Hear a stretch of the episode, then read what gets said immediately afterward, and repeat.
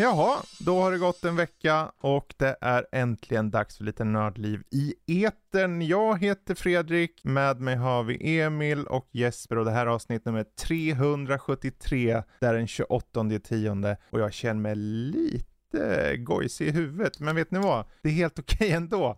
För tack och lov sitter ju gossarna här och hur mår ni då? Alltså jag hade ju hoppats på att någon annan eh, inte skulle vara gojsig så jag kunde vara gojsig så vi får gojsa tillsammans. Uh, samma. Den gojsigaste podden på länge då, när vi sitter här. Men det är så här, ni hör ju, jag försöker kanalisera lite positivitet, så då tar man upp det, annars, ja, jag orkar ju knappt existera. Ja, nej, nej, nej vi vänder Typ så lät det innan podden, men nu så är det så här, tjoho, jag existerar. Positiv Anyhow. existens. Mm. Anywho, idag så har vi lite av varje. Det är ju såklart uh, nyheter som vi kommer till strax. Men framförallt så har vi lite om Call of Duty Modern Warfare 2. Uh, eh, vi har lite benchmark-processer och skit. Ja, ni får, ni, hör, ni, ni får mer om det sen. Men framförallt lite Terror of Hemasaurus. Uh, kanske Plague Tale Requiem. Um, kanske Legend of Heroes Trails from Zero. Det var också ett namn. Mm. Um, jag har hört värre namn dock. Mm. Jag har hört mycket värre namn. Vi kommer också ha månadens spelsläpp och uh, så vidare och så vidare. Men jag tänker vi, vi tar och river av nyheterna från start bara så vi liksom kommer igång. Mm. Kommer igång. Här står jag och viftar med armen som att någon märker det. Men uh, jag tar och river av dem jag har här då. Uh, först ut. DC Studios får ny boss. Han heter James Gunn. Eh, bland annat. Det är han och en annan kille som, som eh, jag glömmer namnet på just nu. Jag tror han heter Saffron någonting. Peter Saffron. Peter Saffron heter han. T Peter Saffron. Och det är så här, eh, Gunn har ju legat bakom en del av deras senaste, både i film och tv-serieväg. Och nu så tar han då över som mer eller mindre hö högste chef för just DC Studios. Eller inte nu nu, men inom kort förhoppningsvis. Uh, och jag vet inte, det, jag, jag såg det här och jag, Warner Bros har varit lite så här i allt det som sker hos dem nu när den här Warner-chefen Saslav liksom har pådrivit förändringar och sånt och förmodligen så kommer de med all sannolikhet sälja av hela DC eh, inom de närmsta mm. åren. Så, så har det mycket snackats om att det är bara en, att de slänger på folk bara för att få någon att sköta under tiden. De har gjort sig av med folk, de har bantat ner avdelningar och allt vad det heter. Men är det då dåligt att James Gunn tar över? Nej, tycker jag inte. Jag tycker tvärtom. Jag tycker det är kul. Uh, han om någon har ett specifikt driv i, och en vision och så i regel. Um, om det är bra eller dåligt, jag vet inte. Men jag tror det är positivt att vi har någon som är på det kreativa planet. Jag, med i bilden liksom. Jag får lite den här känslan som när, när uh, Hidetaka Miyazaki tog över som president på Fromsoft. Mm. Att uh, de satte en kreativ i, i administrationen och det kan ju gå lite hur som helst. Och, mm. och där gick det ju riktigt bra. Så jag hoppas nu med James Gunns kreativitet att han faktiskt sköter sig bra i den där uh, mm. chefstolen tillsammans med Saffran. Precis. Um, ja, jag tycker han har gjort uh, en av de bättre, alltså, typ så här, han gjorde The Suicide Squad som jag tyckte mm. var riktigt bra. Jag har inte sett den än, men jag har hört att Peacemaker-serien var rätt så bra också. Ja, så att, den uh... var faktiskt bra. Jag var så här, om jag ska vara helt ärlig, det här kanske jag sa i podden då, men jag var ärligt talat ganska avig mot den innan jag började titta, mm. för jag tycker verkligen inte om den här John Cena. Jag tycker verkligen, mm. jag hade så svårt. Och sen började jag titta på serien och okej, okay, han vann över mig. Fan också.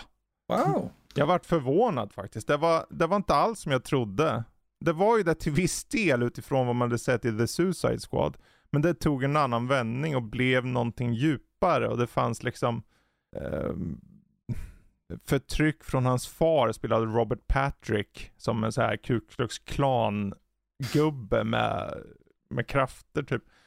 Eh, alltså det, det, den blev så bonkers på ett bra sätt och sen att han flippade av typ Justice League på slutet, spoiler, gjorde det hela lite roligare. Men det var inte det som var, det var liksom hela serien var ganska bra. Så jag tänker just att de vågar ta ut svängarna, det kan vara bra. Eh, det enda som är väl okej, okay, men kan han se till, för det är en sak att göra lite mer smala tagningar på att om, du ska, om det ska gå bra för han i rollen som, om du snackar om Gunn, så behöver han ju få klart, han behöver ju få ut filmer som lockar till sig folk. Och då snackar vi breda massan. Eh, och då undrar jag om det inte är den här Peter Safran som kanske kommer in som just det. För han har jobbat jättelänge med eh, Megan. Han har jobbat väldigt mycket med, eh, vad heter de, eh, James Wans eh, Blumhouse. Blumhouse. Atomic Monster och de där. Precis. Uh, han har varit med ända tillbaka, jag vet inte, från slutet av 2000-talet och gjort mängder av film. Och väldigt, uh, tillsammans med Gunn så, så är det, varför jag tror DC gillar dem är för att de gör mycket för lite pengar. Ja, yeah. mm. uh, Vi har Conjuring, en stor del av vad Saffron har gjort. Conjuring-serien till exempel, ah. Bel Belko Experiment, Experiment uh, Annabelle och så vidare och så vidare. Väldigt intressant kombo ändå mellan de två med genrer och sånt. Ja, fast de passar ganska bra för han kom, eh, Saffron kommer från till viss del lite B-film så. Mm, det på ett bra sätt. Med... Liksom. Att uh, Buried, alltså uh, inte B som dåligt, B som låg budget mm. men få till någonting bra. Och där kommer ju definitivt Gun ifrån också. Du om någon mm. vet ju det Emil. Jajamän. Uh... Ja, för att det är intressant och för att det är oftast då man blir mer kreativ också när mm. man får mindre budget för man måste ju tänka lite utanför ramarna för att det ska bli liksom, Precis. man har ju inte budgeten att göra liksom de stora feta grejerna kanske så då blir det liksom Exakt. experimentellt och då kanske det, ja. Ja. Jag, jag vill inte skita Vilket på. Vilket är någonting de bör. Ja, ja men exakt och jag vill inte skita på liksom Zack Snyder exempelvis men jag, jag känner lite mm. att, att uh, James Gunns kreativitet och hans sätt att hantera saker är en antites till Snyder mm. och tack vare just att den här eh, extremt kreativa boomen finns i grunden hos Gunn. Eh, mm. Och, och, när vi tittar på alla hans alster från Tromadagarna till nu så, så har det alltid haft kärnan, den här eh, relaterbarheten till mm. även de mest sjuka och karaktärer. Det har alltid funnits ett mänskligt hjärta i det. Mm. Så jag tror om, om han sköter de bitarna och Saffron sköter just det administrativa så kommer de tillsammans kunna göra något fantastiskt, hoppas jag på. Ja, alltså jag känner nog personligen att det här kan vara riktigt bra då eftersom att uh, jag tycker ändå att DC ganska, kanske behöver lite den här kreativiteten just nu. Efter till exempel uh, Zack Snyders Justice League, uh, den senaste och lite sånt. Att det känns som att de har kanske snöat in sig lite på en, ja. en publik som kanske inte riktigt passar. Jag vet inte. Jag tror, ja, det där är ett intressant exempel å andra sidan. För Zack Snyders egna Justice League står ju ut i att den är väldigt väldigt honom. Den, den är ja. verkligen inte mass appeal på den. Den är för fan i 4-3 och allting och, och det är bara estetiska. Men överlag, de, DC är så splittrade ändå, så jag tror det enda som behövs just nu är att vi har någon som bara för samman det och försöker hålla lite koll. Det är där jag egentligen mest ute efter och kanske vågar. Det enda som jag tycker är tråkigt är att vi har ju Suicide, The Suicide Squad som Gunn gjorde och jag är rädd att han fortsätter med samma universum. För jag tror, mm. om jag ska vara helt ärlig, så tror jag att vi behöver scrappa DCEU. Ja. Vi behöver döda det helt. För att de har börjat med The Batman och The Batman började, alltså den som första film i en ny form av DC tycker jag båda väldigt gott. Men att hålla kvar på det här som Zack Snyder, för det är ju hans universum om de fortsätter. The Suicide Squad är bara en förlängning av det. Oh ja. Så är det lite så här, okej, okay, jag hoppas han vågar eller orkar faktiskt styra om hela skutan. För det här är ju någonting som väldigt många, tro eller ej, så är det extremt många som är superglada nu att Henry Cavill till exempel är tillbaka en, som Superman till viss del. Om en cameo, eh, spoilers, lite grann, för någonting som kanske komma skall. Eller finns ute, ni får se själva. Och det är så här, det finns någonting som försöker överleva i DCU. Eh, och då är det så här, jag, jag känner att ni behöver våga skära av det. Jag kvävde med en kudde, därför att mm. alltså, jag har inget emot att folk gillar de här stora cinematiska universumerna. Men, men MCU för mig var aldrig en grej egentligen. Mm. För att jag vill kunna se en film ur någonting som jag kanske tycker låter intressant utan att behöva läsa på en jävla wiki för att mm. hänga med. Och DCs filmer har varit som bäst när de har varit fristående, alltså genom mm. alla år. Men, men, alla, det känns som att allting försöker vara ett universum nu. Eh, och, och, det enda gången jag tycker om att titta på det är typ när Blumhouse gör sina Conjuring-verse mm. eller eh, Saw-verse och allting. Just för att det, det är en kakafoni av skit. men som är extremt underhållande för mig. Mm. Men de kostar ingenting att göra heller. Så gör Nej, precis. bra standalone DC-filmer och jag kommer titta. Jag skulle tippa på att uh, med hans know-how så kanske vi ser att han, att han kan dra ner de här, för det kommer fortfarande, ni får ju se, det kommer vara blockbusters. Det är bara oh. att han kommer kanske kunna göra dem för under 100 miljoner. Och då säger man 100 miljoner, det är ju hur mycket som helst. Ja men mm. de har 250 miljoners filmer i regel. Så att han får ner till 75 till 100 per film kommer DC och Saslav, den här högsta bossen på Warner, se som är, det enda han kollar på är pengarna. Det enda som är då, kan Gunn döda det som han själv är en del av, det vill säga DCU? Jag vet inte. Jag hoppas det. Han är en av de få filmskaparna idag jag skulle sätta mitt förtroende till att han skulle kunna mm. ha en chans att göra det. Ja, det, det återstår att se. Men mm. det är så här, det, det, är en kul nyhet tyckte jag. Det är den största nyheten jag kunde hitta på veckan, att James Gunn av alla personer det var eh, weird. DC-boss. Uh, han har gjort en resa där. Um, men jag hoppar vidare. Uh, en snabb liten utannonsering gjordes i veckan på ett spel som får en slags, uh, jag vet inte om det är en remake eller en re, vad heter det, remaster. det är på ett spel som heter Age of Mythology. Oh. Och Age of Mythology var ett spel som var relativt stort, om inte jäkligt stort, när det begav sig för 15-20 år sedan. Någonting. Eh, men det är då eh, Microsoft själva som kommer släppa det. För det är ju en del av Age of Empires tror jag, om jag minns Aha. rätt. Det är, Realtids, det är Ensemble Studios i alla fall rullar. men just att de kommer släppa det, de kommer släppa de Age of Empires senaste remasterspelen på konsol också gör att, okej okay, men nu, de, de tar hand om de äldre titlarna och det, jag tycker det är bara kul och tycker att man lyfter det oavsett om man tycker om den spel, speltypen eller inte. Nej men särskilt Mythology, för att det var stort men det var inte i närheten av vad Age of Empires mm. 2 var. Så att det nej, får nej, lite nej. kärlek Precis. Eh, gör mig väldigt glad. Ja, ja, jag med. Så Age of uh, Mythology Retold heter det mm. som ska komma. Det finns inget datum eller någonting men folk uh, gissar på nästa år. Är det eller... typ som att det är liksom mer mytologi, lite mer sånt i Ja, det precis. Ja. Och tänk uh, en mer mystiserad eller vad man säger då om Age of Empires med lite mer fantasy-element. Alla de här stora gamla gudarna, Grekland, Egypten, Rom. Mm. Liksom. Det är coolt. Precis. Um, och sen så en snabbis igen. Uh, Steam, uh, de hade 30 miljoner samtidiga online-användare för första gången här i veckan som var. Uh, det är inte samtida spelare, mm. men det är att de var online. Och det är så här, jag, tror, jag tyckte det mest var kul att ha med bara för ett tecken på vilken tid vi lever i. I det att så många sitter framför datorerna på ett annat sätt. Och det, har ju, alltså det är ju inte att de inte har varit i närheten av 30 miljoner, men nu kom de dit. Och, och det kommer fortsätta ditåt. Vi vet ju att det kommer röra sig ditåt. Så Ja. Wow, säger jag bara. Det Helt otroligt. Kan, Grattis.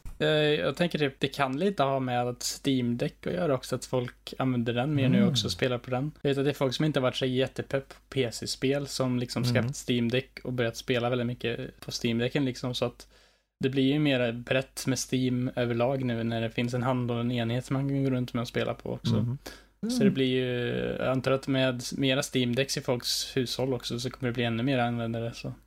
Ja men absolut. Och ser man till top sellers på, eh, på Steam så har Steam Deck led, le, lätt. Det och det är en jävla konsol typ i handhållet så, som har lätt. I an, och i den är ganska dyr också för den delen. Ja, ja, ja. Ja, för de har ju ändå haft vissa så här, ja men index, eh, VR-systemet och, och, och kontrollerna och allting och det har aldrig mm. riktigt, riktigt nått eh, från sin nisch. Men okej, okay, alltså Steam Deck har faktiskt pushat eh, sin, deras hårdvaruavdelning framåt. Det är kul. Ja, och Men det, jag menar, nu på sistone när de har, för det var ju som all hårdvara som var ett tag, att det var så svårt att få tag på mm. saker och ting.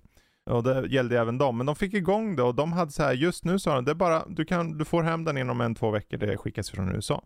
Så att nu är det ingen väntetid. I alla fall inte var det det senaste jag tittade. Men, eh, och det är så här, och den säljer på som smör för att vara en handhållen enhet såklart. Uh, så att uh, det är spännande tider.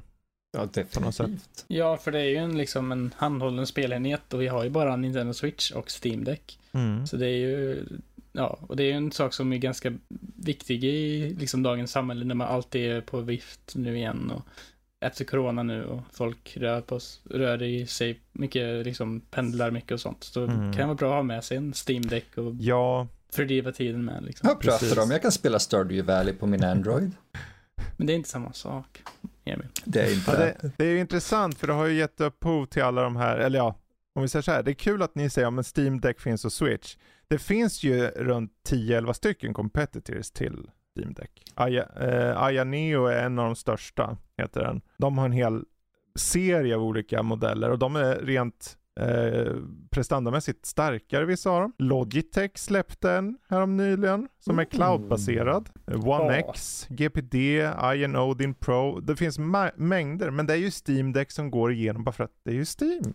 Det är ja, alltså, det är ju liksom. inte känt, alltså den där Nio-grejen du nämnde, alltså det är inte jättemånga som känner till sådana. Nej. Alltså Steam Deck har ju varit mycket mer marknadsföring på känner jag, mm. i mainstream marknadsföring liksom, så att Switch och Steam Deck är en av de som leder bara för att folk känner till dem liksom. Mm. Och Steam har också en användarvänlighet och en sån, Precis. Eh, liksom, anpassningsbarhet på ett sätt också, för du kan ju använda den som en vanlig konsolplattformsspel, liksom att du spelar det som att du ja. går i en konsol med bara. Steam. Eller så kan Exakt. du gå in och programmera egna saker i eh, operativsystemet och få att liksom Game Pass, eh, emulatorer, allt, mm. allt möjligt, you name it liksom. Ja, den är ju verkligen för den som gillar att påta i så att säga, så kan du göra mycket med den. Eh, men jag tror den stora styrkan, och det, jag tror jag gjorde en recension på den, om jag minns rätt. Och jag tror den stora styrkan med Steam Deck är ju att sätter ni händerna på vem som helst och interfacet är så pass enkelt att vem som helst installerar ett spel, bara startar och kör. Är det så att den personen vill lära sig mer, då är det en knapptryckning eller två ifrån på Steam Deck. Och är det så att de vill verkligen bli jättedjupt i det så att säga, ja, men då finns det möjligheter. Men då kräver det att man sätter sig och läser och allting. För, precis som allt annat här i världen. Mm. Um, en dator liksom. Också. Ja, men att i grund och botten så är gränssnittet så konsollikt att vem som helst bara sätter sig och kör. Uh, jag tycker det är intressant. Men det, det, har ju blivit en sån uppsjö med de här typen. Jag menar herregud, det finns sådana här minikonsol uh, handhållna också som Playdate. Har ni sett den? Ja, just det. Mm. Jätteliten svartvit skärm, så här pytte, pytteliten. Jättesöt. Och man bara åh. Och så är det så här på någon slags prenumeration, du får spel varje månad eller vad det fan var. Jag vet inte. Men det händer mycket där. Jag hoppar vidare nu, annars fastnar vi där. Den mm. sista nyheten jag har är ju angående Witcher eh, som får en remake. Oh. Original eh, The Witcher får en remake och nu blir den gjord i Unreal Engine 5. Eh, de kom ut där. Det, här kom, det var på dagen 15 år efter eh, världspremiären för originalspelet. Eh, den kommer drivas som sagt av Unreal Engine 5. Det kommer byggas om helt från grunden. Som i alla fall säger de det. Um, och jag vet inte, jag tycker det är nog rätt spel att ta sig an. Uh, och förhoppningsvis, när de nu säger att de kommer bygga om det från grunden, kanske finslipa uh, stridandet. För det har jag för mig att det var lite jobbigt. Mm. Uh, det var någonting med musknapparna, hur man rörde musen, ja. var svärdet, hur det svingade, någonting. Plus att det var mouse and keyboard only, vad heter det som det var på?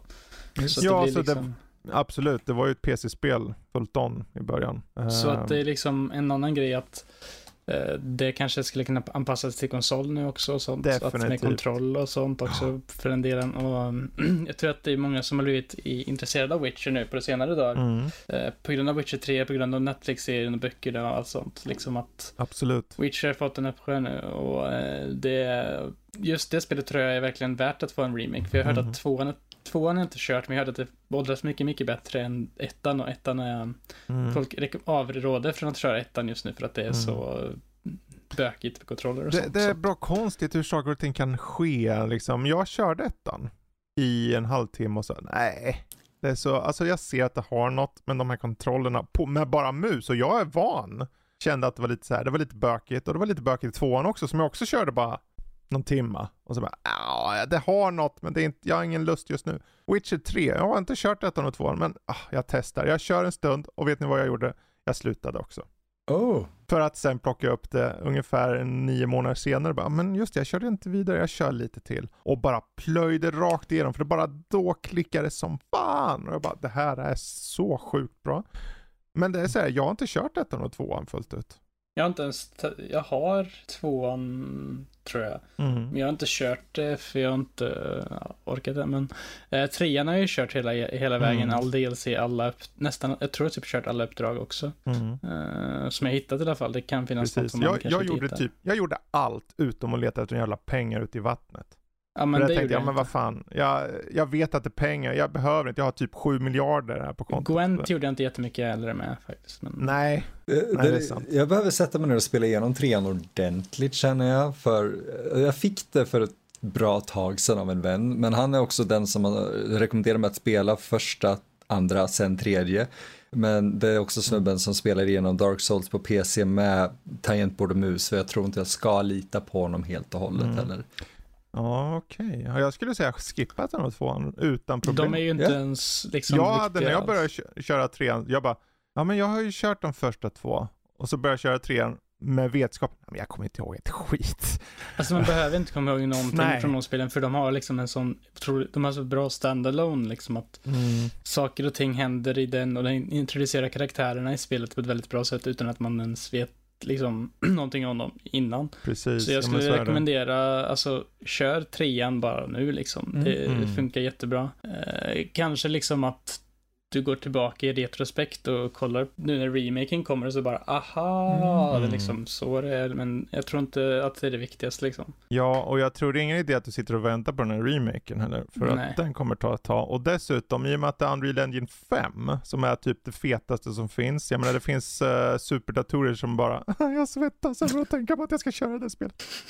uh, så du behöver inte uh, sitta och vänta. Om, om jag säger att jag ska livestreama igenom hela Witcher-remaken så kan vi nog ordna att jag kan sitta och spela det. När det I det här laget har du ett nytt grafikkort, det lovar jag. um, men bra, men då, det var mina i alla fall, så vi kan hoppa över till valfri person. Vem gör mest ljud nu? Va? Va? Va? Va? Okej, okay, då är det du Emil. Fan också. jag, jag, jag var inte beredd på att det skulle... Ja, alltså, men du får inte göra som mot mig, du vet hur jag fungerar. Okej, okay. go! Om du har någon nyhet. Ny, oh, nyhet, jag trodde du bara sa någonting random. Men, men Nej, jag har ingen nyhet tyvärr. Nej, ja men då har jag, jag Jesper Det blev bara väldigt eskalerad, eller? Ja, det är först Witcher-remaken som redan tagits upp. Men yes. vi kan gå vidare till nästa jag tog upp.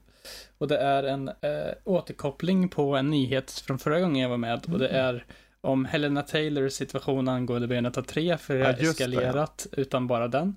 Hon har, eh, Bloomberg rapporterar ju typ någon vecka efter att det som hon sa var helt fel. Det var liksom att hon fick 15 000 dollar snarare än 4 000 dollar. Detta var eh, sanning, er, erkände hon häromveckan. Mm. Eh, men att de här 4 000 dollarna var när, hennes, när hon skulle få en cameo-roll när hon hade nekat första gången och fick erbjudandet att göra en cameo-roll sen, så var det 4000 dollar, som hon sa. Eh, vilket då var typ som att det var halva sanningen, fast hon liksom Det är sant, förnekar. men det var inte det det handlade om riktigt. Nej, mm. alltså hon förnekar ju liksom. Det var inte liksom, Bajonetta-rollen det gällde alltså för 4000. Nej, hon förnekar ju då eh, lite vad det betydde, liksom hon sa ju för the whole game, men det var inte riktigt hela sanningen då.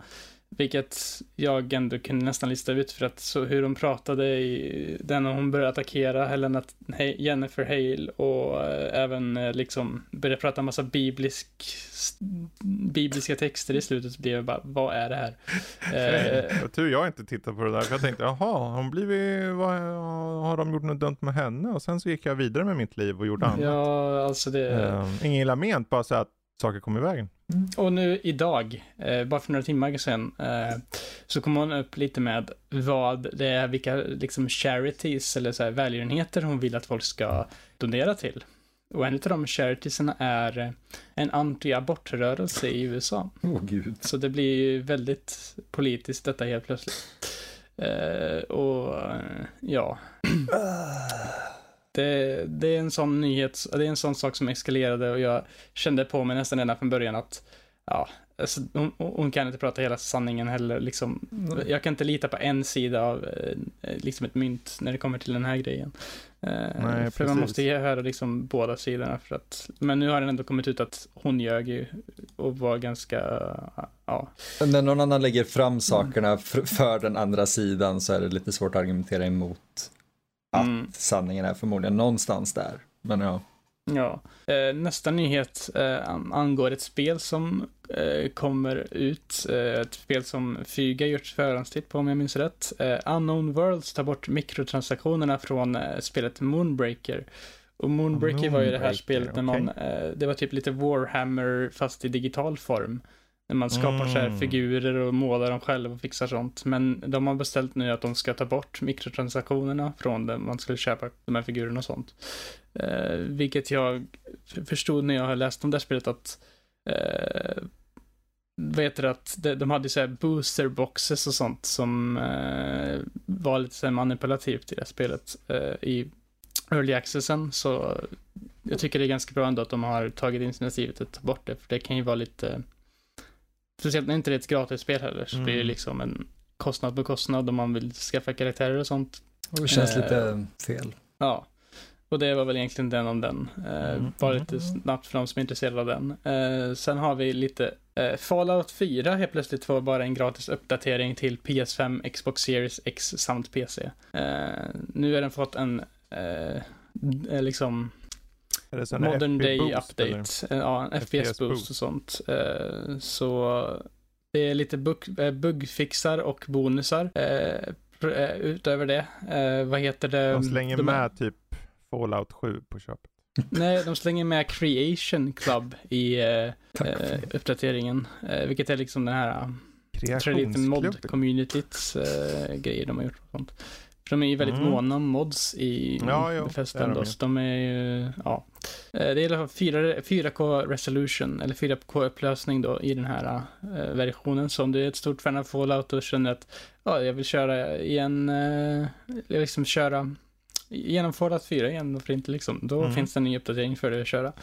Uh, sen frågan är då, kan det här tyda på någonting om att de, eftersom att de uppdaterar detta nu, kan det tyda på att de har Fallout 5 i planen kanske? Eh, det spekulerades det också om. Eh, men det känns som kanske lite en överdrift bara att de gör en FPS-boost, men ja. De släpper ju ändå Starfield väldigt snart. Eh, fortfarande mm. inget datum på det spelet dock. Eh, vilket jag tycker är lite konstigt när det ska släppas på våren. Men vi får väl se om mm. angående det. Eh, sen sista nyheten jag har också, det har också med Fallout att göra. Och det är att Amazons Fallout-serie fått en första bild. Där man ser en karaktär gå ut ur ett vault typ. Mm. Ett klassiskt step-out moment. Men det är i alla fall, ja.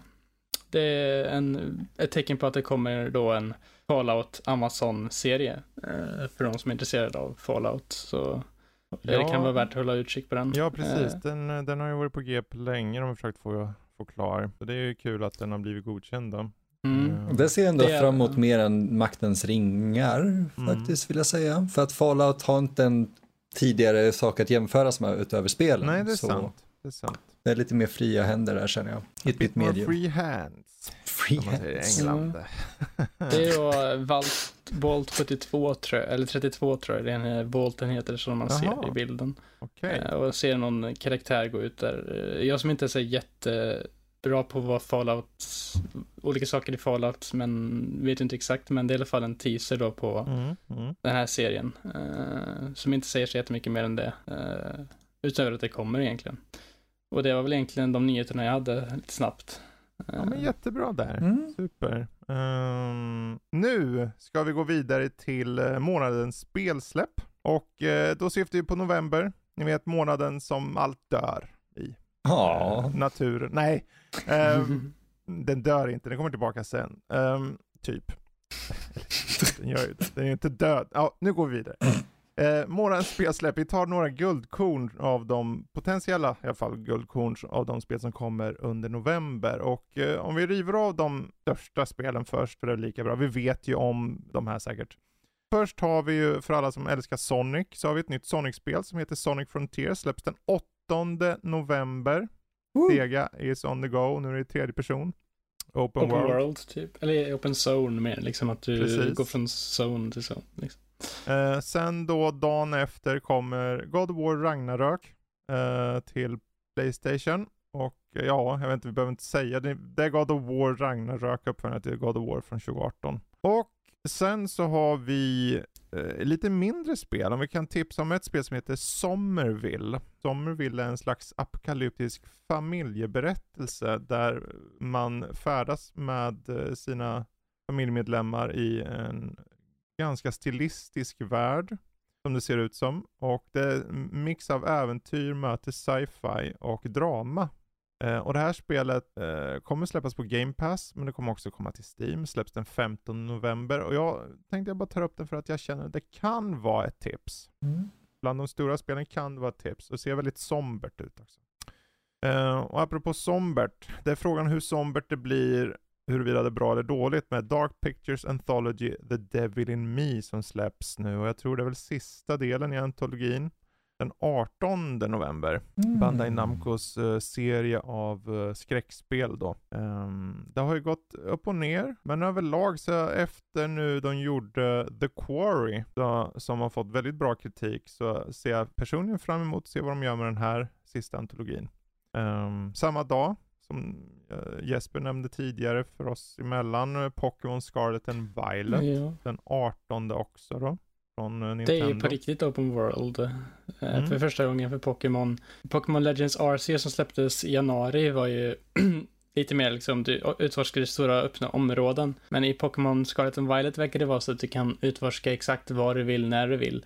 Och det finns lite olika story paths du kan ta och lite olika gym challenge, lite sånt. Mm. Eh, mycket frihet i det spelet och det verkar ganska ambitiöst även om kanske grafik, graf, det grafiska kanske inte ser över, hålla måttet men det gjorde inte varken Sword and Shield eller Arceus egentligen heller. Nej, men den turnarounden är det svårt att göra något nytt på det sättet. Ja, ja. precis. Men det, den kommer den 18, den kan bli ett guldkorn. Mm. Uh, ett par dagar senare kommer ett spel som potentiellt kan vara bra. Det heter Evil West. Jag vet inte om ni har talat om det här. Jo. Uh, Action-spelet. Ja, precis. Uh, den 22 november uh, kommer det här och det är en slags, du kan köra antingen solo eller co-op. Uh, explosiv combat som de kallar det med mängder av monstrositeter i västernmiljö. Tänk er västern som har gått och blivit en mix av uh, Cthulhu möter zombies typ. Uh, och du är nästan, jag skulle inte säga att han är en superhjälte men han har riktigt bra jävla vapen då. Att det känns nästan som att han är en superhjälte. Det, det, ser skruvat ut, det ser intressant ut. Um, Focus Entertainment som släpper det, de har varit lite upp och ner mm. Eh, med sina släpp som publisher. Men uh, utvecklarna Flying Wild Hog ligger ju bakom Shadow Warrior-serien, bland annat Trek Toyomi och sådana här. Så de har en del, eh, lite guldkorn där. Eh, Verkar inte typ Evil Dead vara lite mer hack and slash spel? Nej. Evil West eller Evil, Evil Dead? Evil, Wed Evil West, jag säger fel. Ja, uh. precis. Uh, mycket visuell uh, combat verkar det vara. Men eh, det, det, kan vara ett spel att hålla utkik efter, en känsla mm. av. Det, det, kan vara ja. skit också. Men um, det kan vara bra. Uh, jag vet att vi har Max, och Max i Nördliv, han är galen i ett spel som han körde betan på. Han tror att det kan vara årets bästa spel och det heter Warhammer 40K Darktide och en 4-player co-op. Mm. Gjort av dem, samma, det är Fat Shark som släpper, de gjorde ju Vermintide-spelen. Mm. Och det är egentligen ganska liknande koncept, det är bara att det är väldigt blodigt, väldigt mörkt och allt kommer bara dö. Som Warhammer 40K är i universumet. Mm. Jag har faktiskt en vän som var med i den stängda betan och var väldigt, väldigt lyrisk över det också. Så, eh, ja. ja. Ja, han, eh, Max var väldigt lyrisk och jag kan säga, jag körde faktiskt det också på den betan och tyckte, ja men det här, det här kan bli något. Eh, för mig var det mer så här, okej okay, men det finns ju ingen story riktigt, men poängen med spelet är inte riktigt där. Det finns om du nystar lite, för True to Lace är det en kampanj som tar vidare från station till plats till plats och så. Så det är inte bara Left 4 Dead-aktigt, utan det kör vidare till mm. Zon till zon till zon. Um, och lite hubbområde och sånt. Så att det, det, kan bli bra. Jag tror det kan bli riktigt bra. Uh, där har vi några av dem jag uh, highlightar. Finns det några i november som ni tror ni kanske vill highlighta eller känner ni att jag täckte det mesta? Jag tror du tänkte det jag tänker på själv personligen. Uh, det mm. var nog ingenting jättemycket mer. Det var väl den där Evil West som jag kom på också, den var ju då. Uh, mm. Och sen, ja. Det är ändå vi vet ju alla att Mattias där ute, han älskar ju racing. Va? Oh, Eh, och VRC Generation släpps nu den, eh, vad blir det, den tredje. Och det är en, ytterligare en sån här VRC-spel i raden av VRC-spel. Eh, och han kommer älska det. Alla oss andra kommer tänka, men det är mediokert. Men eh, det, det kanske är något bra. Matte Jag borde ju gilla sånt. Jag gillar ju bilspel. Jag vet inte varför jag klankar ner på honom.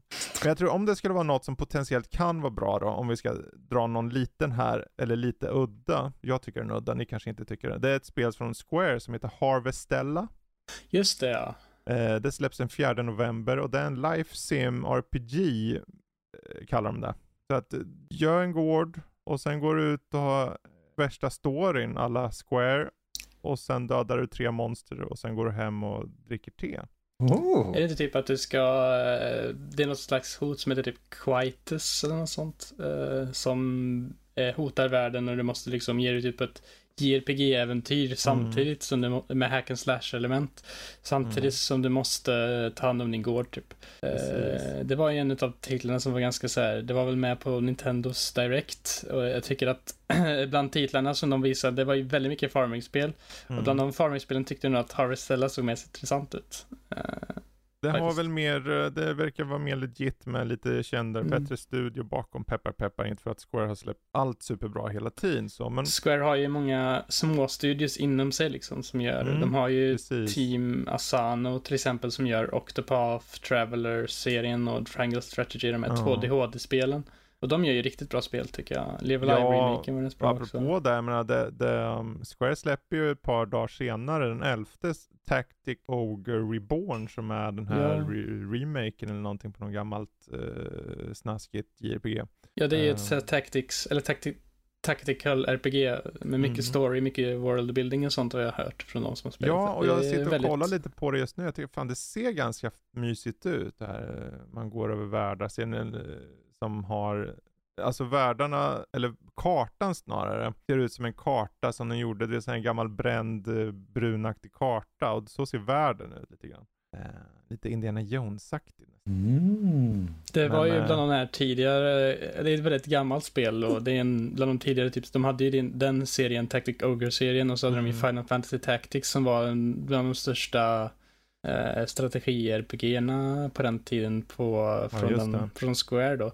Så det var ju, jag, jag har hört att det ska vara ganska efterlängtat det spelet Ja. ändå. Eh, bland de som är insatta i och är nostalgi för det liksom. Vi är snart där, alla de här spelen kommer snart. eh, så att eh, det blir intressant att se vad folk tycker. Vi kommer säkert beröra eh, en bunt av de här. Med det sagt så rundar vi av just månadens spelsläpp och så hoppar vi faktiskt in på vad vi själva spelat eller sett eller vad vi nu har hållit på med där hemma i, i vrån när vi har suttit och tittat på tänderna som ramlar ur mun jag vet inte vad det betyder. Men jag tänker så här, vi hoppar över till den gode Emil här, för du har ju terroriserat som i form av en kaiju, eller hur, vad har du gjort i Terror of Hemasaurus egentligen? För det första har jag lärt, försökt att lära mig vad, vad det heter, vilket har varit supersvårt för mig. Jag kan det fortfarande inte helt. Uh, Är det du som är terrorn? det, det är alltid jag som är terrorn, det Terrorn i vet folk. Det låter som en sån här skräckfilm som ingen såg från 70-talet. Eh, men, men det är väl liksom, eh, har, har ni spelat Rampage World Tour eller sådär? Det här spelet har jag aldrig kört. Inte jag Ah, heller. okej. Jag spelade Men jag har hört talas om Rampage. Rampage funkar mer egentligen. World Tour är den där eh, konsoltiteln som, som eh, i alla fall jag... Räknas Redneck Rampage? Nej, jag skojar bara. Jag spelade dock ett uh, sånt, eh, ett kaiju uh, brawler, 2D-brawler i somras för att recensera. Mhm. Men inte ihåg vad det hette, typ Call of the Monsters eller något sånt. Ah, Eh, okej. Jag såg filmen med The Rock. Det är baserad på spelserien är den ju så Japp. ja, det, Mm. den det kan, behöver vi inte prata om för det var en skam. Poäng! Po- Jag vann poäng av. Livspoäng som jag aldrig får tillbaka igen. Du gav dem till The Rock. Anywho, tillbaka till Heros, Hemasaurus här. Vad, vad, vad exakt gör man? Det, det är just det, om man har spelat typ Rampage så är det exakt det man gör, vilket Mm. är alltså du tar rollen som en kaiju och här är de lite roligare och en kaiju är alltså ett stort monster, alltså Godzilla eller King Kong eller whatever. Terrorn i Götet. Terrorn i Götet, alltså jag i en flanellskjorta som skriker på folk liksom. Så. Det här vill jag se som en kaiju-modell. 300 meter hög. Åh nej, vem är det? Det är terrorn i Götet, terrorn i Götet. Man kan nästan få det. Terrorn i Götet, terrorn i Götet, terrorn i Götet. Faktiskt. Det är bara jag ju. Nej, gud. Uh, jag har en green screen hemma, jag borde kanske göra det. Uh, ja, alltså man, man springer runt på gatorna i diverse städer uh, i världen över, med, jag tror det är mest mm. USA, och, och du bara smashar skiten ur allt vad bebyggelse och civilister och, och allt möjligt vad det heter. Det är så mycket fokus på typ katarsis nästan, alltså bara att slå sönder saker och, och göra så mycket, du ska bara orsaka så mycket terror som möjligt egentligen. Med, med väldigt retroinspirerad arkadstil och det kan, Men, ja. Terror, finns det någon så här, någon terrormätare man ser att folk blir rädda mer eller något, eller bara att man ska förstöra skit? Att du ska bara förstöra skit. Du har så här från början till slut på en karta, jag tror Rampage till och med hade någon sån här terrormätare eller vad man ska säga, mm. men, men här ska du ta dig från början till slut av banan och ha sönder så mycket du kan under tiden. Och de, de är inte supertydliga med om du förlorar om du inte gör det eller sådär. Mm. För det mm. verkar som att du kan bara komma till slutet av banan och de säger ah, bra jobbat, du förstörde kanske. Det är, är, det high score baserat typ så här? Man får så ja. mycket poäng som möjligt. Ja, ja men det är väl nice? Ja, ja, alltså för mig är det supernice. Det, det är sånt där spel man, man, man tar upp och har kul med ett tag. Jag, jag mm. spelar det nu på morgonen medan jag typ tittar på nyheterna eller någonting. Eh, och, och sen så lägger jag ifrån mig det och går iväg och gör någonting annat ett par timmar så kan jag komma tillbaka och spela en stund till. Vilket det, det är väldigt tacksamt för du hinner inte bli supertrött på själva upplägget för det hade du annars blivit mm. direkt alltså. Ja, men det, det, det, är en färgglad stil och det är väldigt kul att de har så mycket olika typer av civilister. Jag ska säga, mm. folk som springer runt. Du har barn, du har kvinnor, du har män, du har folk i rullstol det är hysteriskt vad detaljerat det är på det sättet. Kan man ha ihjäl dem alltså? Jajamän, det, det, det absolut Folk roligaste. Folk rullstol och barn? Ja, du kan tända eld på dem. Så Nej, att de Gud. springer i panik och sen kan du sparka iväg dem så att de flyger genom luften och träffar typ fem andra människor som hänger ut genom fönstret oh. och så hör du bara så här för att du går upp i, i, i high score. Ja, ja. Det är mm. fruktansvärt underhållande att göra så. Och gör en riktigt bra träff kan du få en, en brinnande rullstolsbunden människa att träffa en helikopter och fälla den. Så det är fascinerande hur underhållande det är. Nog fan är du terrorn i Götet alltså. ja, ja, ja. ja. Ja men vad kul ändå, för jag ser på hur det ser ut. Jag ser, det har den där retroartade, lite pixelerade looken, men samtidigt är det som att den har väldigt mycket färg och nästan så här partikeleffekter och fysik i sig. Det, den bryter ju definitivt, om man ska säga, de här begränsningarna som retrospelen mm. hade. Färgpaletten exakt är eh, definitivt inte, inte NES-tänket. Jag kommer inte ihåg mm. om du mm. kunde ha typ 8 bits färger och massa tech-skit. Här i har de använt alla typer av färger, mängder av partikeleffekter och allting och de har bara behållit en så här 8-bit stil och det fungerar galant gör det. Det, det, är väldigt vackert, det är väldigt eh, kul att titta på, det är väldigt kul att spela. Ljuddesignen är, är väldigt passande för sin grafiska stil. Mm. Det, det, blir som sagt lite långtråkigt i, alltså om man sitter med det för länge, men det är ett arkadtänk, alltså det, det är svårt. Så du ska ju egentligen bara fortsätta pumpa in mynt känns det som. Det är bara det att Mm. Det här är släppt på hemmakonsoler eller hemmaplattformar så det blir lite mm. lustigt feeling. Uh, men det är väldigt mysigt, ja. jag gillar det. Sweet. Ja men vad mm. kul. Uh, Terror of Hemasaurus helt enkelt. Uh, vi kan hoppa vidare för jag är ju väldigt nyfiken på Plague Tale Requiem. Mm. Ja. Här har vi ett spel som, jag såg att någon gynnare hade skrivit in det på vår uh, Goti-lista. Ja. Mm. Kan ha varit jag också. Ja, du har ju inte skrivit ditt namn så jag visste ju inte, men jag gissar att Jag tror jag skrev mitt namn, jag kanske missade det. Eh, Oavsett. Plague Tale Requiem. Ja. Vad är premissen då? Det, premissen är egentligen eh, att spelet utspelar sig sex månader efter 2019, eh, 2019s Plague Tale Innocence. Eh, och det handlar ju då om en familj som heter The Rune, där eh, systern Amicia Eh, reser tillsammans med sin familj och sin sjuka bror som har fått en blodsjukdom eh, som heter Macula, som är typ att han, eh, ja, han, han, han, han behöver ett botemedel för att, liksom, det är typ som pesten kan man tänka sig. Uh, och hela spelet, Plague Tale Requiem, går egentligen ut på att spelet börjar med att Hugo får uh, drömmar, hallucinationer till en ö. Uh, en ö som heter Lacuna där han följer en fenixfågel eh, på lite olika saker. Och den här drömmen verkar sig vara någonting som finns, han, de blir, eh, i början av spelet så blir de jagade av inkvisitionen i Frankrike då. De håller på, res, på resande fot och blir jagade av dem och får reda på till slut att det här Lacuna, det finns faktiskt på riktigt. Och hela spelet börjar med att de då eh, åker eh, på resa och försöker hitta den här Lacuna och ett botemedel mot Hugos Macula. Och äh, det är väldigt groteskt och mörkt spel. det är inte för the faint of heart på ett sätt, för det har väldigt mycket teman om vänskap, familj, att vad det liksom är att mista folk och allt möjligt sånt. Och det... Först hade de inte det, jag tänkte mörka teman om familj. Ja, nej men alltså mörka teman inom familj liksom. Ja. Sådana saker att hur, ja det är, fast det har även lite ljuspunkter ändå med mm. väldigt färgglada områden med snygga detaljer. Lite mer öppna områden den här gången jämfört med det första spelet. Mm, mm. Uh, för de som inte har spelat det första spelet så är det ju ett, i mångt och mycket stealth-spel. Uh, som i Eh, liten fun fact, inte alls är min typ av spel egentligen. Jag tycker inte så jättemycket om när stealth är en huvudmekanik. Nej, inte jag Men, heller eh, riktigt. Som tur är så tycker jag ändå att storyn vinner mig över så mycket så att jag mm. bryr mig inte så jättemycket om oh, den skönt. biten. Jag kör, jag har kört typ nästan mest på typ så här easiest mode. Bara för att jag vill ha storyn och mm. orkar inte riktigt stealtha som en galning. Uh, men uh, det funkar riktigt bra. De har lagt till lite nya saker. De har lagt till en armborst till exempel som kan skjuta dina fiender med, men du har väldigt begränsat med ammo, så det är verkligen en sån här last resort-grej. Eh, det enda som är lite så här, det är väldigt ointuitiv stridsmekanik, för du kan ju slå fiender och sånt, men grejen är att det, du ska typ ha det som en last resort lite grann. För för du ska smyga runt alla situationer, förutom typ mot slutet av spelet, när det kommer lite sekvenser där du egentligen, huvudpremissen är att du ska döda fiender för att ta dig vidare.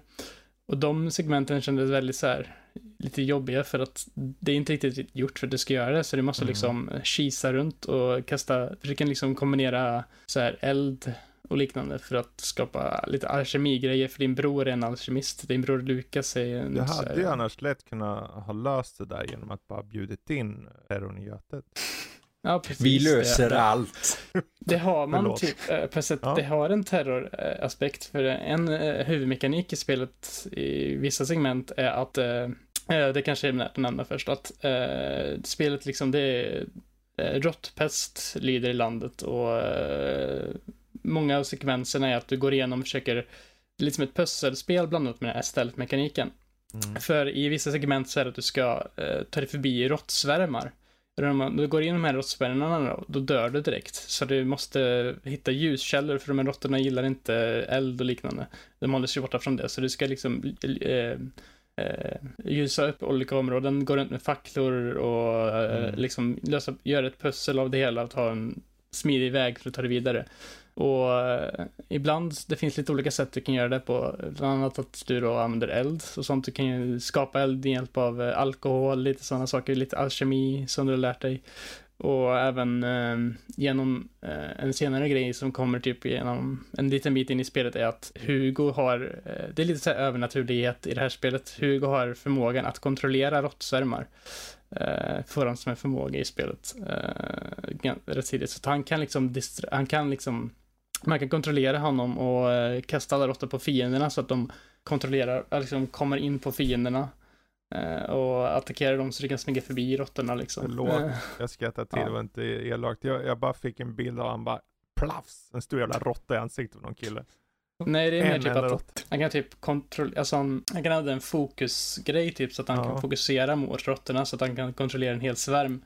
Men grejen är att du kan inte okay. göra det under jättelång tid. Du har en begränsad liksom, du blir, blir jättetrött. Eller han blir jättetrött ja, om man överanvänder den här. Liksom, för han dirigerar. Han blir mentalt, ja. ja. Precis. Och den jäveln är inte en göteborgare för det är mängder av ja. rötter överallt. Och grejen är att det är, det är ingenting du behöver, det är ingenting du kan använda hela tiden. Det är typ fåtal segment där du faktiskt mm. har den här tillgången. För oftast så, ibland har du inte ens Hugo med dig. Eh, ibland så är han på något annat ställe eller gör något annat. Och du har andra karaktärer som du möter på Eh, som har lite andra förmågor som kan hjälpa dig. Jag vill inte riktigt spoila allt som händer nej, för då kunde du ta nej, det bort allt. Inte. Det, vad är intrycken då liksom ja. totalt sett? Om vi rundar av lite. Det, det, är ett väldigt, vad man ska säga, striking spel med berättelsen. Mm. Speciellt på slutet är bara, oh shit, det här var inte, det här var, oj. Så det här hände alltså och liksom lite sådana saker. Det kändes som att jag Dramatiska hela svängningar liksom.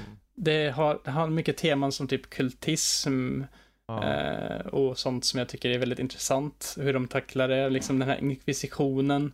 Eh, och hur den här ön, de, de kommer ju till den här ön. Eh, det är mm. typ väldigt, eller inte, det är typ ja, typ då under halva spelet ungefär. Eh, och det är då det kommer till lite öppnare områden och då kan du ta lite olika svängar och sånt.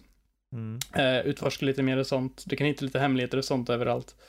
Eh, som egentligen bara är lite så här checklista grejer men ja. Eh, det är i alla fall intressant på den här ön hur kulturen är där med det här lite kultism-grejen och sånt och hur de ser på Hugo till exempel och sånt och mm. det tar väldigt intressanta svängningar. Uh, för att det är liksom, det är ju en ganska, det är ju grundat i liksom verkliga grejer som hände förr i tiden. Men det är ju ändå, det är ju ändå satt sin egen spin, det blivit ganska, lite Ja, det tar inspiration, så att säga. tar mycket inspiration från det, mm. men det är inte riktigt en kopia eller liksom en efterliknelse. Eh, Utan det är ju egentligen eh, sin egen grej. Eh, jag tycker att överlag är det nu en av de starkaste spelupplevelserna från i år. Även om jag, som sagt, inte egentligen förtjust mm. i spel så tyckte jag ändå att dels att storyn var så stark, men även att de vävde in en del mekanik med de olika karaktärerna man möter som liksom känns som liksom att de skapar en mm. emergent narrativ, man ska säga, som liksom kommer ut ur det också. Eh, och även, och, eh, ja, eh, det kan dock bli lite, alltså tekniskt sett är det ju ganska repetitivt i början, för det går ju liksom mot, från liksom högt gräs till högt gräs eh, och smyger väldigt mycket och det är, inte, det är inte jättemycket upp uppehåll mellan stealth-sektioner så det blir, det blir ganska matigt fort. Mm. Men ju mer man kommer in i spelet och kommer in i det så tyckte jag ändå att det funkade ganska bra. Eh, det är bara att det är kanske är en liten så här i början att det blir lite segt kanske för att man... Man behöver väl komma in i det bara. Jag tror ja. ett bra spel är ett bra spel, ett bra spel. Mm. Är det så att det, för jag har kört stealth-spel som jag bara, åh oh, gud det är så jävla stealth, jag orkar inte. Och ibland bara, det här, det här har något. Det har något, mm. jag vill köra vidare. Trots att det är genre som man kanske inte är så bekväm med. Så det är jättekul att du ändå kört så långt och du känner att det är så bra. Ja, det, måste, det säger ju en hel del. Ja, jag klarar ut det också. Det, alltså det är ju inte ett jätte, alltså det, det är längre än första spelet, så det är mm. nog, det är runt 15 timmar, första kanske 8-10 timmar. Men det är för att uh, det finns ju mer att göra också. Och sånt. Även om jag ja. själv kanske inte utforskade allting. Uh, jag ville mest, egentligen, jag var mest så här intrigued av storyn, så jag ville bara mm. fortsätta, fortsätta på den liksom. Men ja. det har, uh, jag tror att många skulle kunna få uppskattning av den här, men jag skulle nog inte rekommendera att spela det här före du spelar ettan, för spelet har inte jättemycket förklaring till eventen i ettan, även om du på stora drag ändå kan hänga med i vad som händer i tvåan. Mm. Men eh, om du vill ha lite mer kontext till vad Hugo... Du kan ju alltid youtuba recap. Ja. Jag tror Marty Kliva på Escape sa exakt samma sak faktiskt. Ja. Och, eh, och om du har Game Pass, så jag tror du kan spela båda spelen där. Eh, du kan i alla fall spela Requiem där. Jag tror ja, du kan spela verkligen. första också. Vi, tar, så... vi går vidare då, för det var jättekul att höra ändå. Um, ja. För jag tänker, det här spelet för mig osökt att tänka på en massa benchmarks. Vi hade nämligen med det i vissa tester. Mm. Eh, som jag nämnde förra veckan, ja, vi fick till oss från MSI ett 4090 grafikkort. Och det är så här, man sitter där och tänker, jaha, det här kortet är dumt i huvudet. 130% mm. ökning i 4K mot ett 3080. Så ett 3080 för er som inte känner till är ett jäkligt fett kort från den nu snart gamla generationen. Så vad, vad gör man då när man gör benchmarks? Då är frågan snarare, hur gör jag när jag gör benchmarks? För det finns de på YouTube som har så mycket bättre metoder och sånt. Så min utgångspunkt egentligen, metodik var, okej, okay, jag, vill, jag vill tänka så här, vem skulle köpa ett sånt här kort? Uh, och av de personer som köper det, sitter de på en, en eh, high-end dator eller en normal inom situationstecken dator? Mm. Och jag tänker, ja, men det finns nog både och. Det finns de som har den fetaste datorn, för uppenbarligen har de råd att köpa det här grafikkortet för 25 lax. Holy. Men sen finns det också de som sitter på en äldre dator och tänker, men jag vill börja med ett grafikkort och jag vill ha det fetaste. Det finns de. Så jag gjorde tester då utifrån den metodiken att jag har en dator som är mer en budgetdator och jag har en high-end dator eh, också som jag fått till oss då från MSI och låna ut prylar för det. Så min process är att köra 11 spel i tre upplösningar per spel. Eh, först på den svagare processorn och sen samma igen på den starkaste processorn som finns just nu. Och då kan jag se, dels kan jag se Okej, okay, hur, hur mycket snabbare, för jag jämför även grafikkort då, så jag kör varje spel på tre grafikkort också. Så alla som sitter med så 3070 eller 3080, de är med. Och sen den här 4090 och sen jämför jag i procent. Och då är hela poängen liksom, hur, hur värt det är att köpa det här om du är en normal gamer som är med en normal dator, en äldre dator. Jag skulle säga att det är helt meningslöst. Mm. För att den här, det här grafikkortet kör du bara 4K med, helst. För att det här är ett 4K-grafikkort. Alltså det är klart du kan köra på lägre upplösning, inga problem. Du sitter och kör 1000 FPS i ett spel som heter Riftbreak. Jag låg över 1000 FPS i det. På Ultra. hur är det ens möjligt högsta. liksom? Hur, hur är ja, det? Ja, ja, det, det bara... Han bara mosar, mosar. Han bara, jag har en plog och nu kör vi. Men, och sen det är ju lägre FPS då på högre upplösning såklart, men jag låg ju fortfarande i en 300-400 på Riftbreaker. Wow. Nu är inte det spelet en av de vetaste. Om man Hur var det i Plague Tale då? Plague Tale, denna, jag testade inte den så mycket för FPSen, utan jag testade den på en ny teknik de har som heter DLSS 3.0. DLSS är en uppskalningsteknik, känner ni till den eller? Ja. Mm. ja. Den skalar upp då med AI-hjälp till en högre upplösning. Men den här DLSS 3.0 heter till namnet DLSS, men den är inte det. Den är inte en uppskalning. Den en AI som skjuter in en egengjord framtagen frame mellan två frames. Så mm. ditt grafikkort skapar ju hela tiden frames, det vill säga när du rör på kameran och allting så skapar den ju upp bildrutor som skickas till er skärm, eller hur? Yeah. Mm. Men det här grafikkortet tänker sig, ja men vi har AI här som känner av det första framen och vad den andra förmodligen kommer vara mm. och gör en bild av det och slänger in emellan. Och då får du ju fler frames. Ja. Det blir liksom lite fake frames i mitten. Det är hälften fake, fake frames. Fast det funkar liksom. Det, det är som typ cloud och... gaming, hälften och inte ja, cloud. Det, ha, ni känner till de här AI-genererade bilderna på internet? Mm. Man, säger, man skriver in någonting, typ en mås som äter palsternacka i Amsterdam och så tar den och gör något. Mm. Uh, ni, Emil ser väldigt frågande ut. Det, det finns en AI-grej i alla fall så här. Eh, det här är lite samma koncept i det, att han då räknar ut, okej okay, hur ser bilden ut i det ögonblicket och bara gör den exakt. Men det blir inte exakt exakt. Men i och med att det går så snabbt i FPSen så hinner du aldrig riktigt se det om du inte bara tar en stillbild då. Så, och det är allt gränssnitt, saker i detalj, om du rör ett ben framför en sak. Han kan ju inte gissa hur någonting bakom din karaktärs ben ska se ut, men han måste gissa. Så det blir bara en slö- blur kanske. Men det ser du inte när det går i 280 FPS. Så att, och där vad tekniken går ut på. Han skjuter in frames och där gjorde jag i Requiem. Så när jag satt och testade första gången, man springer ner för den här backen där och så gör man lite mm. test där med den här andra killen, du vet, man lär sig för att smyga och så. Mm. Och i och med att spelet är ganska, alltså det här är ju ett av de snyggaste spelen som släpps nu. Mm. Men det, det låg i jättehög FPS på grund av DLSS och jag körde i en 1440p upplösning som är en relativt hög, men det är inte 4K. Och han låg ändå eh, över 100, 120 FPS eller vad det var. Eh, men man kunde se lite artefakter i den här DLSSen. Så att, det kan man nämna, ja, jag vet att nämna i det spelet så är det en kontrovers nu att spelet på konsol, Xbox Series X och PS5 inte går mer än 30 FPS. Mm, det är så samma sak med Gotham Knights. Ja, då har man lite uh, perspektiv där. Precis. Jo men exakt så. Det, det, är ju för att det spelet är så jävla krävande. Vad gäller men Gotham. Knights är ju inte det på en dator.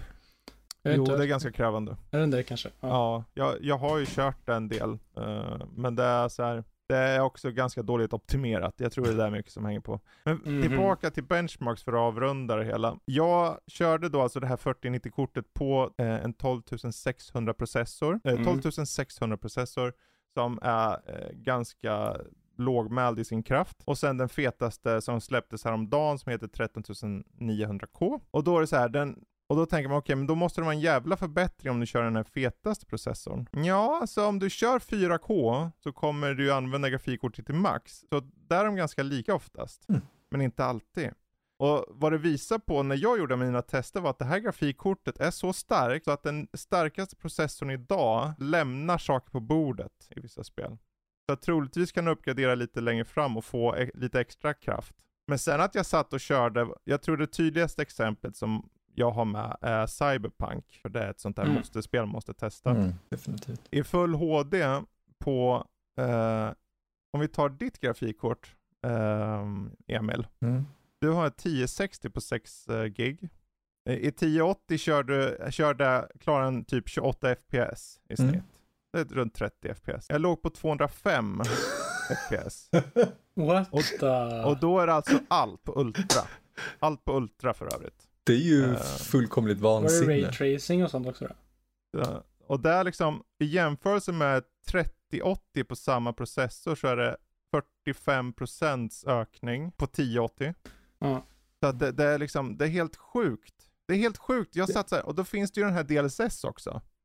Så att jag tänkte, men okej, okay, jag, jag testar först 1440p och jag låg i 146 FPS utan DLSS och låg över 200 i 1440 på Ultra på Cyberpunk. Det är liksom en sån där grej, jag tror du sa det lite grann, men det här man behöver inte ha det så snabbt just nu.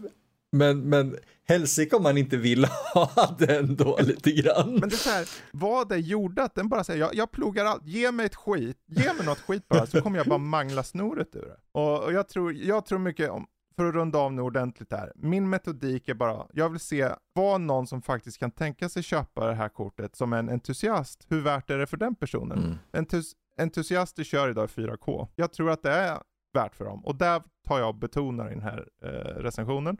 Men också, hur är det för någon som bara sitter på en, en normal dator, typ, inom situationstecken? Mm.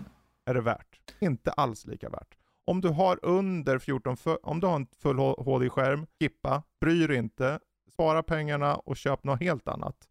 1440p, eh, det är ganska så här, jag vet inte om du ska köpa grafikkortet då heller ärligt talat. Det är mest på 4K som det kommer mest till pass. Det är det det låter det som, men det är ändå en ganska gedigen test, eller gedigna tester mm. för att se just vart går gränsen.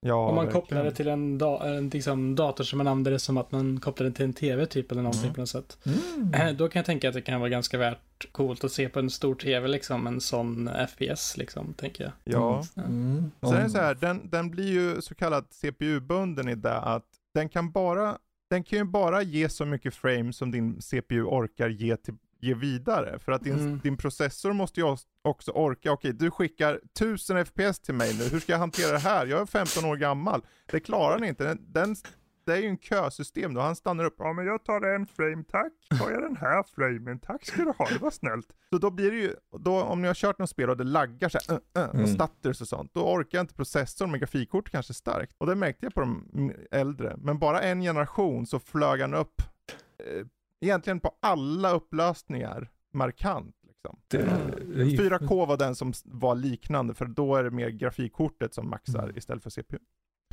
Men eh, jag vet inte, jag tyckte, jag satt så här bara, ah, ja, alltså det här är skitkul alltså. Jag är ensam och tycker det, men det, jag, jag satt bara, det är så intressant att veta hur generationerna kan förändras. Och nu har de sagt, okej, okay, vi, vi är lite i underläge på vissa sätt, säger Nvidia.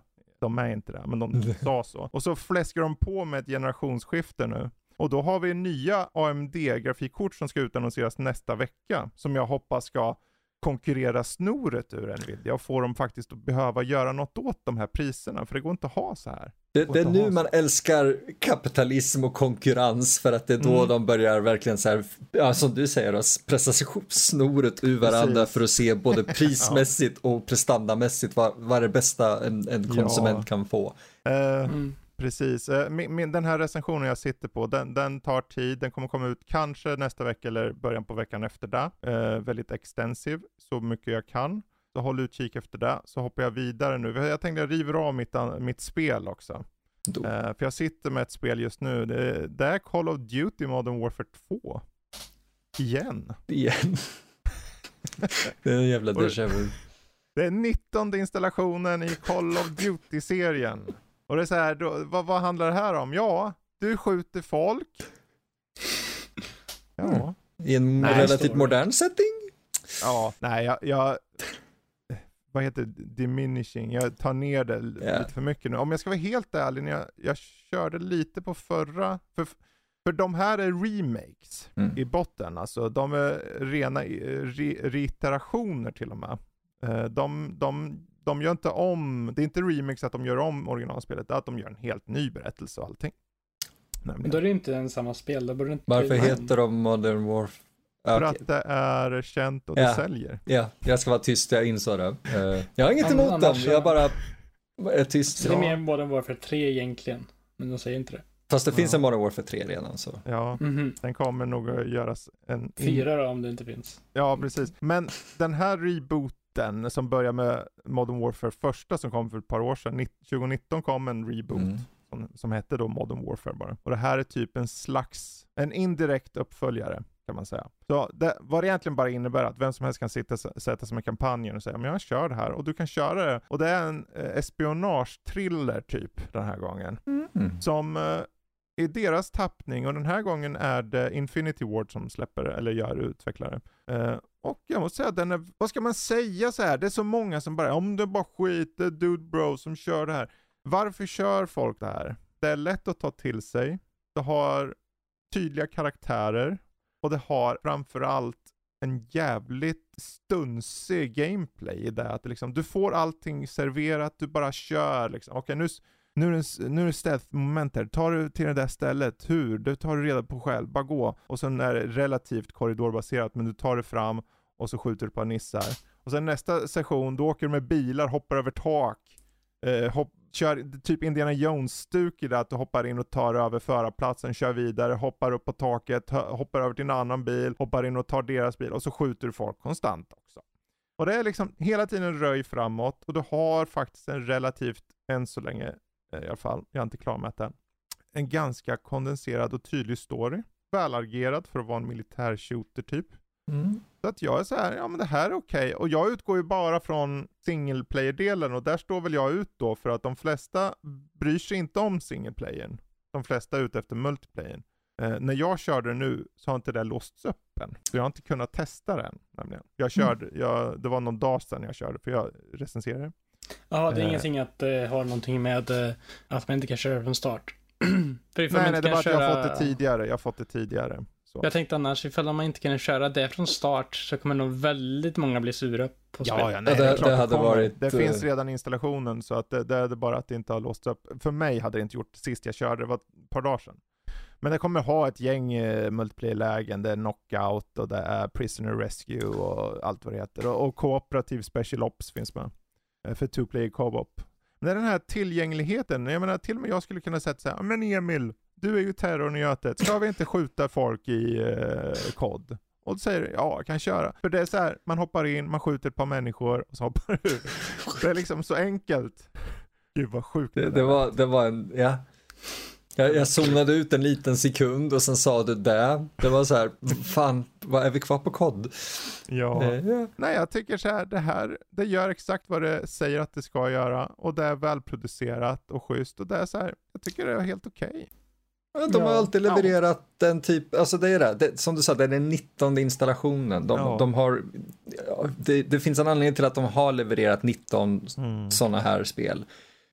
De gör det bra. Uh, ja. ja, även om jag hör mycket klagomål på att de släpper kod så är den serien jag hört liksom från de flesta släppen av den serien liksom i det har inte varit så att det varit dåligt. Det är väl bara mer att folk är trötta på serien ja, Folk blir ju mätta och så, mm. jag tror problemet är så med alla serier. Jag menar, COD här i det här fallet, nu är de tillbaka på Modern Warfare. De har ju samma karaktär som de hade i original Modern Warfare. Så jag känner igen dem. Jag körde med de här karaktärerna. Det är bara att det är helt annat uppdrag. Det är som att det är en annan berättelse, du vet som att, mm. eh, som att de originalspelet, det var den här händelsen som hände, men nu har det gått x antal år och nu är den här händelsen. Så föreställer jag mig i min tur, mm. fast det inte är så, det är en reboot.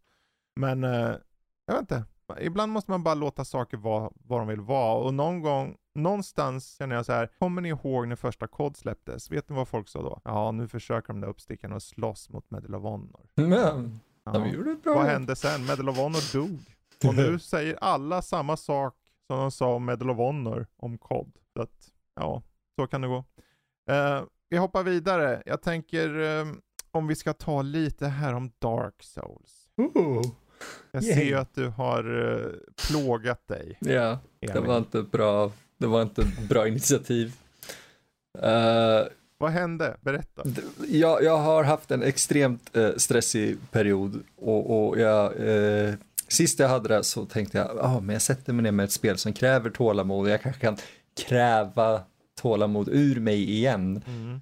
Och jag hade ju inte klarat av Dark Souls eh, någon gång. Så jag tänkte att okej, okay, jag, jag gör det nu, jag klarar av det här för en gångs skull. Och jag gjorde det faktiskt. Problemet var bara att jag tänkte inte igenom riktigt. Eh, så jag missade DLCn och jag fick inte slutet jag ville ha. För jag tänkte inte riktigt på att, eh, jag blev så exalterad att jag bara kom till slutet att jag tänkte inte längre än att åh, här är en eld, jag kan, eller en bonfire, jag tänder den och sen så var det över och bara åh, nej. Um, så jag har börjat spela det på New Game Plus, så allting är lite svårare och du menar alltså att du är sjuk i huvudet? Ja. New Game Plus på Dark Souls? Ja, det finns sju Men jag tyckte du sa, att, vänta, sa inte du typ att du hade ångest, eller inte ångest, men ja. att du var så här stressigt så? Yes. Det är inte stressigt med Dark Souls? Det, det, jag kommer inte spela det nu på ett tag, för att det, det, det gör inte det jag hoppades på att det skulle göra. Jag, jag, jag försöker komma in i hjärnan här på dig på något sätt. Jag försöker öppna upp här, förstå, okej, okay, men om något, för mig så blir jag ju stressad av Dark Souls. Vad är oh. det med situationen där du känner stress och känner att Dark Souls, hur hjälper det dig? Det, det, jag är nyfiken. För, eh, vad är det nu, ett och ett halvt, två år sedan så hade jag ett litet poddexperiment där jag spelade Dark Souls och dokumenterade min resa. Och mm, mm. anledningen till den podden var att vi hade haft Både på nördliv och privat så hade det varit en väldigt stressig och hektisk period. Och jag kände att jag behövde ett eget litet projekt att fokusera på. Så jag tänkte att, åh, okej, okay, jag som är väldigt stressad just nu och behöver något kreativt och konkret att göra, kanske ta mig an ett spel som är känt för att kräva fokus och tålamod mm. för att försöka anamma liksom, den här kontrollen man måste ha även i mitt verkliga liv. Och det fungerade tills verkligheten knackade på och krävde fokus och det, då började det läcka in i spelet och när, när man blir arg på spel så ska man bara lägga av liksom. Mm. Um, och nu hamnar jag i en sån period igen och jag är fortfarande där lite grann. Att det är för mycket som händer omkring mig men jag tänkte att okej, okay, jag går tillbaka till det, ursprungsidén. Jag spelar Dark Souls igen. Och jag klarade ju av det. Sen så började hela spelet om på New Game Plus. Så jag, jag, slutade inte spela då, vilket jag kanske borde ha gjort. Uh, men jag har tagit mig en bra bit. Jag, jag har kommit in i, i Anor Londo man ska säga. Alltså nästan halvvägs. Men jag tror det kommer bli en paus eh, på ett bra tag nu igen för att jag, jag är inte där mentalt och jag är inte stark nog just nu att anamma den kontrollen man behöver i det mm. spelet och anamma det i mitt eget liv. Jag antar att du är snabbare där nu för att du känner till liksom, det är som ett Metroidvania lite de där spelen, mm. att du måste liksom, att du, det är liksom att hitta som är en del av utmaningen också. Oh, jag antar att det, är, att det är typ eftersom att du har liksom spelat spel förut, att det går snabbare varenda gång du kör liksom. Ja, jag har ju börjat om Dark Souls på olika filer och versioner ett antal gånger och kartan sitter ju som liksom, vad man säger, baksidan av handen på mig. Den, den, har jag noll problem med. Det, det, är bara ibland när man glömmer att, ja ah, just det, jag har inte låst upp den här dörren än. Oh, där blev jag mördad. Ja, okej, okay, bra. Nu får jag bara springa en halvtimme igen. Men det, det är inget bra för att du slipper gå tillbaka så mycket och backtracka. Ja, jag, jag tror, ja, de, de, vissa av de här boss rush, eh, inte boss rush, boss runsen i Dark Souls fyller en bra funktion, vilket jag upptäckte under, eh, inte alla, definitivt inte alla, men eh, när jag gjorde podden så var det väldigt bra för mig för att det var då jag, spelaren fick en chans, alltså jag fick en chans att andas och fundera på vad gjorde jag för fel och vad kunde jag förbättra istället för att bara slänga mig emot det igen. Sen DLCn är, är, borde hängas på en påle eller någonting på torg för hur extremt dåliga checkpoints det har. Men eh, Elden Ring är definitivt bättre på det sättet så jag kanske går tillbaka dit eh, innan jag går ja, tillbaka till Dark Souls. alltså du bara, jag ska köra ett soulspel, jag kör gamla Dark Souls. Har inte du Elden Ring? Jag har Elden Ring, jag har Bloodborne. Recenserade det till och med. Sluta jiddra, yes. kör Elden Ring. Nej jag vet inte vad man säger. Jag försökte vara hipp. Ska vi köra i ordning nu? Du, tvåan, trean, fyran, nej inte fyran utan Bloodborne. Jag har faktiskt installerat Blood, eh, Dark Souls 2 och jag har en vän som sa att du kommer hata allt i det. uh, och han ville se när jag spelade, så vi, vi får se. Ja. Men, men det, det, lilla... det, är inte, det är inte terrorn i götet, det är hatet i götet kanske. Nej, men jag, jag, jag, här, jag, känner ingenting annat än kärlek för, för ja. Soulsborne-serien. Jag äger uh, serie tidningarna baserat på Bloodborne och Dark Souls, eh, eller ja, graphic novels, jag har det här kompendiumet och jag har Designworks om tvåan just. Mm. Det, det, är några av de, mina mest värderade gaming-memorabilia, man ska säga, för hur mycket jag tyr mig till serien. För den kräver en, en annan typ av filosofi än den jag som spelare brukar ha. Jag skrev en krönika för, för ett bra tag sedan som i, i, där jag i princip sa hej spelbranschen, jag är inte gamer för att jag är absolut inte den marknaden ni är ute efter. Jag spenderar extremt lite pengar på, på gaming och, och ja, jag liksom lägger inte så mycket tid av mitt liv på det. Mm. Souls, av någon anledning, utmanar mig och, och nästan eh, jag ville säga spotta med ansiktet, men det gör det inte, därför att det är väldigt välkomnande.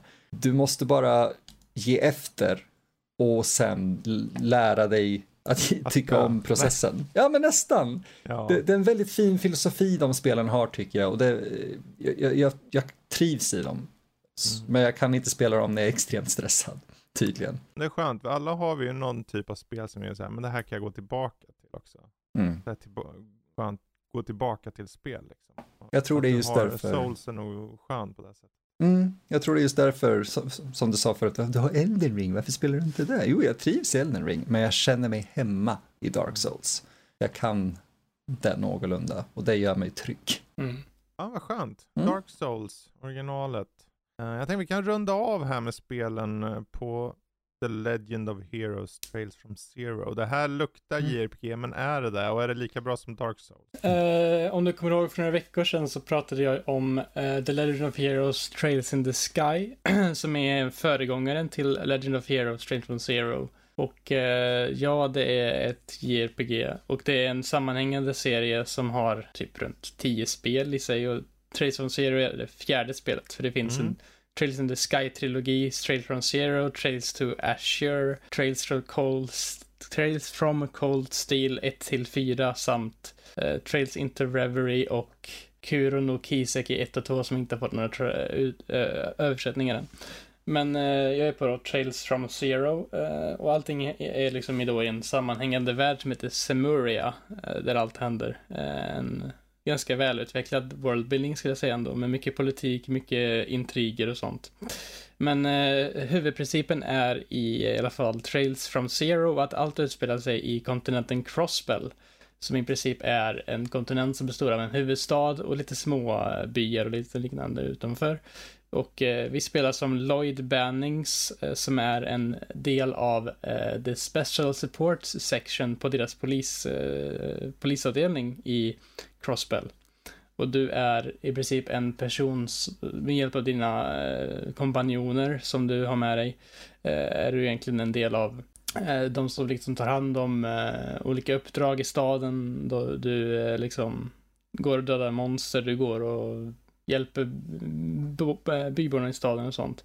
Men eh, det blir snabbt mycket mera intriger när du eh, blir indragen och får kämpa mot maffian i staden. Det finns två maffiafaktioner i staden. Uh, och det är inte bara det, det finns ännu mera senare uh, som uh, liksom är i mörkret av den här stadens lite mer mörka sida. Mm. Och jag skulle säga att det är en väldigt intressant berättelse med mycket liksom de här, det finns mycket intriger mellan de här maffiaklubbarna, så finns det två olika liksom faktioner i staden som är lite så här street, street factions och sånt också som har lite saker eh, för sig. Och eh, jag är nu på typ jag tror jag har typ ett eller två kapitel kvar i spelet eh, just nu. Ehm, och eh, det finns mycket kopplingar till Trails in the Sky. Bland annat så finns det lite återkommande karaktärer där. som till exempel The Bracer Guild som är Eh, vad heter det, en liten guild i princip som eh, typ fungerar ganska mycket likt Special Support Section i att de tar an lite så här kontrakt liknande, väldigt likt typ så här Witchers i Witcher-serien lite så. Att, så liksom att de går och gör lite sådär eh, uppdrag hos folk och hjälper dem och får promotions för att bli bättre liksom. Eh, precis som typ Special Support Section fungerar och eh, de huvudkaraktärerna hjälper till lite med olika saker.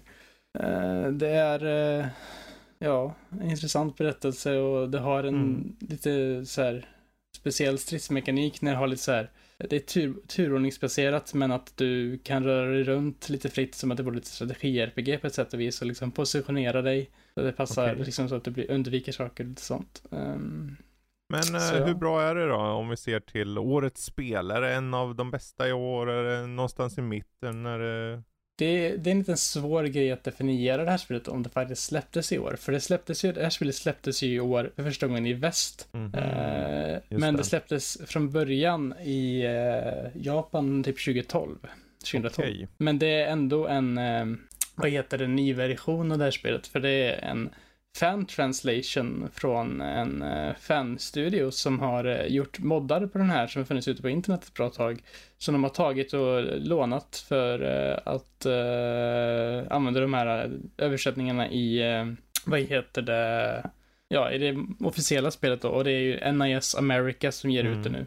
nu. först var det, de, de var det Marvelous, tror jag de heter, som gav ut, um, eller Marvelous X-Seed som gav ut uh, Trails of the Sky och Cold Steel-serien. För Cold Steel-serien som kommer efter den här uh, har redan funnits ute i västerländsk marknad, hela serien. Och nu släpps även, uh, nästa år släpps även uh, Trails into Reverie som är en, uh, vet det, en sammankoppling mm. mellan Zero-serien, eller Crossbell-arken och den andra som är ja, Cold Steel-serien då.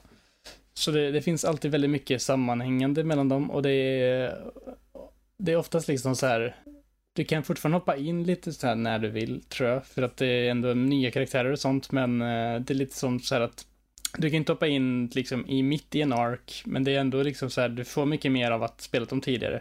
För det fattar mer referenser och karaktärer som återkommer har ju liksom berättelser därifrån som fattar liksom lite mer mm. av saker som händer och sånt. Ja, nej men det, alltså det låter ju nice ändå. Jag känner ju till serien. Och vi kommer mm. väl följa upp på det här kanske till våren då när, och om du kör någon av de här kommande också, helt enkelt. Jag tänker nog skaffa det här Trails uh, to Azure som kommer där. Mm.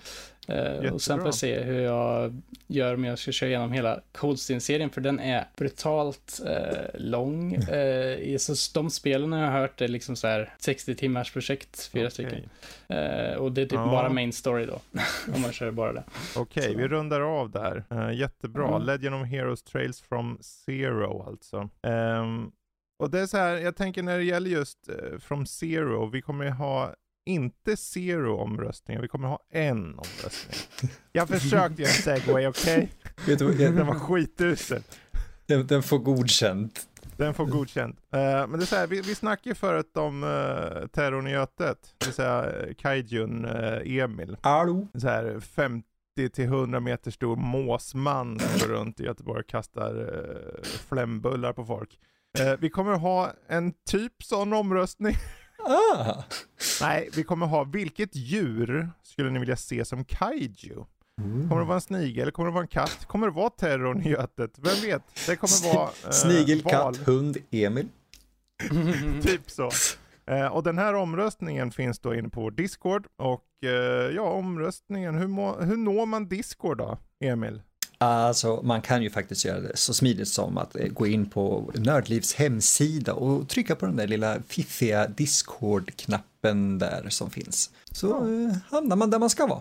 Precis, och så finns det en gäng kanaler, det finns då omröstningar, där finns den här omröstningen, finns massor med alternativ, man bockar i de saker eller den man tycker om. Och är det så att ni känner, men alltså jag vill ju också veta vad ni tycker om ditten och datter, om det finns en en chatt där som heter Q&A för podden. Om ni skriver en fråga eller en fundering eller typ en bild som säger vad tror ni om den här bilden? Och så en bild på typ ett nytt grafikkort eller det kommande Legends of Heroes Trails from eh, Eternity Part 5 Edition uh, Ultima Edition igen, 2 edition. Ja, oh, då kan det vara. då kan ni sätta det som en fråga där. Så gör det vet jag. Bra, då ska vi inte dra ut på det här något mer utan jag tackar Emil, jag mm. tackar Jesper och uh, så tackar jag terrorn i Örebro för mig. Så säger vi hej då allihopa. Oh, Ja.